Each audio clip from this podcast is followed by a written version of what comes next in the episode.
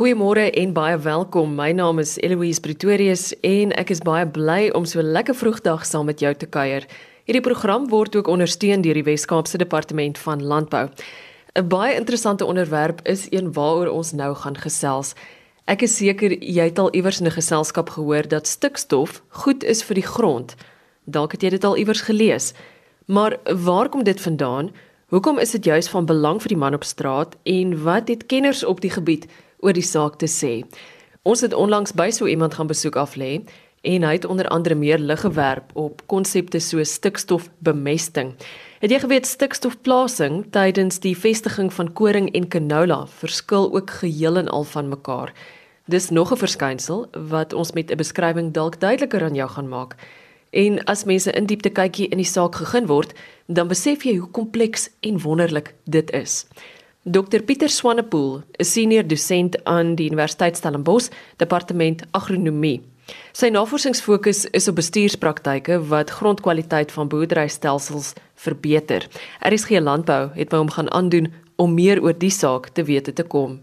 Bewaringsboerderystelsels wat ook minimumbewerking insluit, word algemeen onder koring en canola produsente in die Wes-Kaap gebruik. Met minimumbewerking is daar geen voorafgrondbewerking of 'n grondversteringsaksie nie en saad, in die geval dan nou spesifiek verwys ek na koring en canola, word dan in rytjies direk in die grond geplaas. Dit word gedoen met minimumbewerkingsplanters. 'n Funksie van die planters is ook om kunsmis in die ry te kan plaas en dit maak dit vir die saailing maklik om toegang te kry tot die voedingsstowwe. Wanneer die saailing nog klein is, onderskep die wortels nog 'n klein deel van die grond. Dis voordelig vir die saailing om maklik toegang te kry tot kunsmis en voedingsstowwe wat dan nou vestiging bevorder. Dis egter soms moeilik om dit te bestuur. Te veel kunsmis of sekere omstandighede kan lei tot of chemiese skade of fisiese skade van die saailinge. Chemiese skade is gewoonlik te wyte aan ammoniumvergiftiging soos stikstof, te veel stikstof in die ry en fisiese skade dui op uitdroging van die saad. So dit bestuur daar agter behoort optimaal te wees en mens moet verstaan hoe die planters, die omstandighede en die kunsmisbron wat gebruik word bymekaar aansluit om dan nou 'n goeie bestuursbesluit te kan neem. Die minimumbewerking planters wat gebruik word, word toegerus met verskillende oopmakers. En die oopmaker is die deel van die planter wat die voetjie in die grond trek waarin die saadjie dan in die grond geplaas word.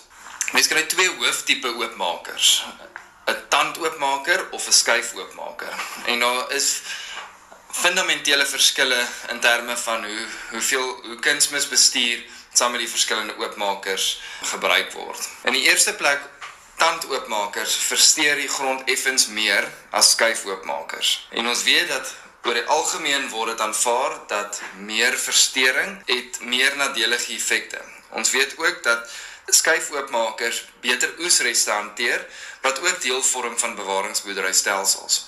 Tandoopmakers kan dikwels in hoë ladings van oesreste of in gevalle waar daar hoë ladings van oesreste is, kan tandoopmakers die oesreste op hoop trek wat lei tot onegale gevestiging. Egter ook groot verskille met hoe stikstofbestuur hanteer word met tand- en skyfoopmakers.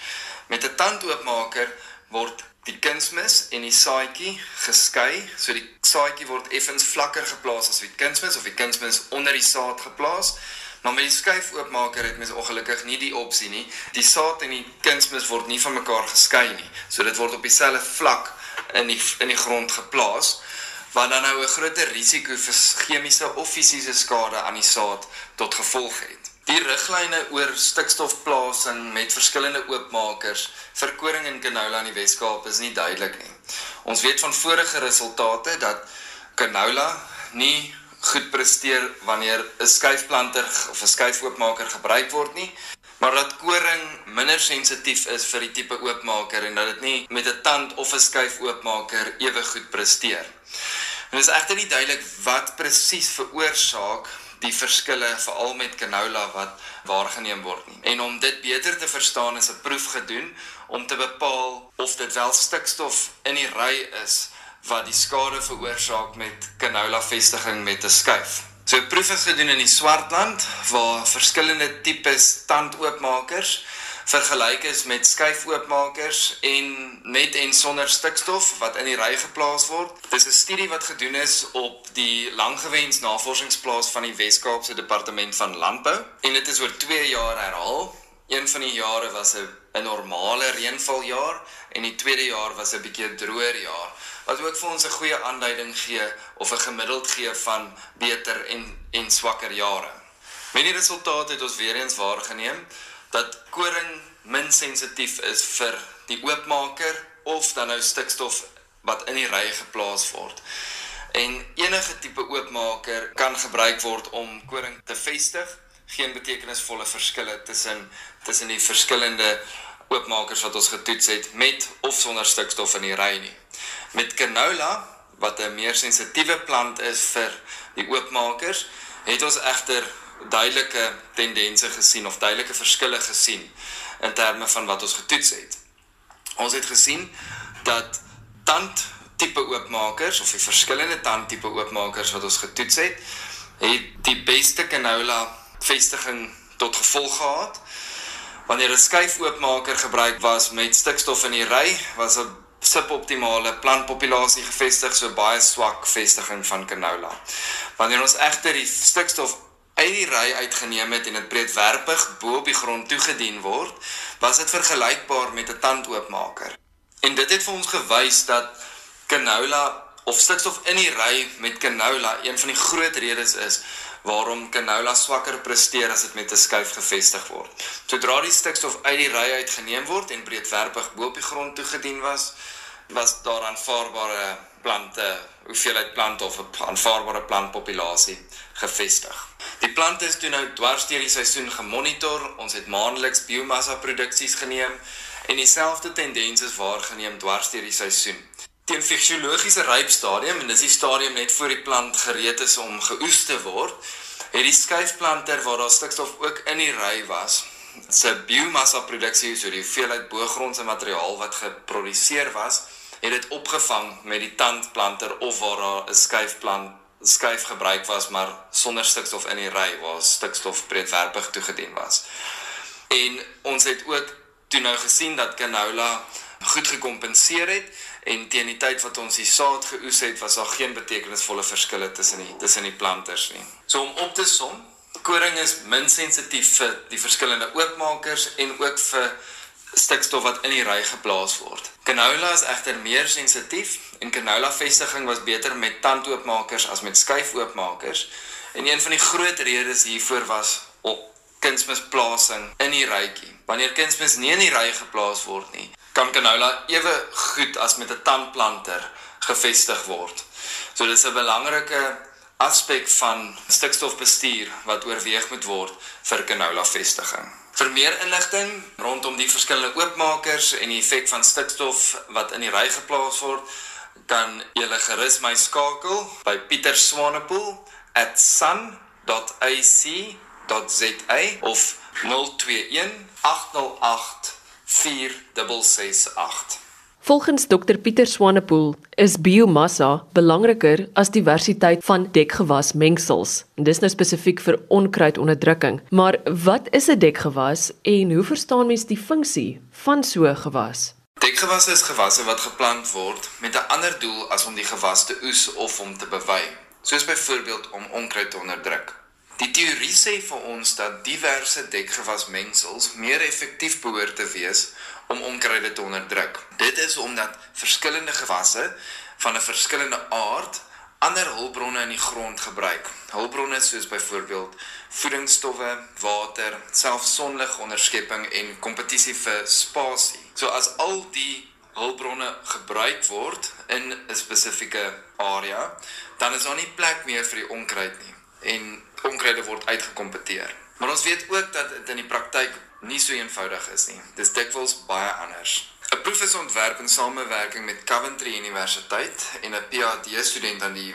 Universiteit Chloe McLaren en ook die Wes-Kaapse Departement van Landbou om die rol van dekgewasmengsels se diversiteit om onkruide te onderdruk te ondersoek. Agt verskillende mengsels is vergelyk met verskillende diversiteite, nie net diversiteit van spesies nie, so hoeveelheid spesies wat ingesluit word in die mengsels nie, maar ook diversiteit in terme van die groeivorm of hoe die plante lyk. Byvoorbeeld, sekere van die mengsels het net grane ingehaat. So die diversiteit was hoog in terme van die verskillende spesies wat daar was, maar die diversiteit in hoe die gewasse lyk was laag want al die grane het 'n soortgelyke groeivorm gehad. In ander mengsels is net peulgewasse ingesluit en in ander mengsels is 'n kombinasie of 'n mengsel van peulgewasse en grane ingesluit. 'n Studie is toe nou oor 'n 2 jaar tydperk gedoen in die winterreënvalstreek van die Wes-Kaap. Dit is uitgevoer op twee lokaliteite in die Swartland en in die Suid-Kaap. Die resultate het vir ons gewys dat die belangrikste faktor om onkruide te onderdruk was die hoeveelheid biomassa wat geproduseer was. Met ander woorde, hoe meer boogrondse materiaal, hoe beter was die mengsel om biomassa te onderdruk. Dat diversiteit van die mengsel geen invloed gehad het nie. Ander resultate het ook gedui dat die beskikbaarheid van stikstof vroeg in die seisoen groei van onkruide bevorder het, maar later in die seisoen het stikstof nie meer 'n groot rol gespeel nie en die digtheid van die stand het 'n groter rol gespeel om onkruide kans te gee om te kan groei.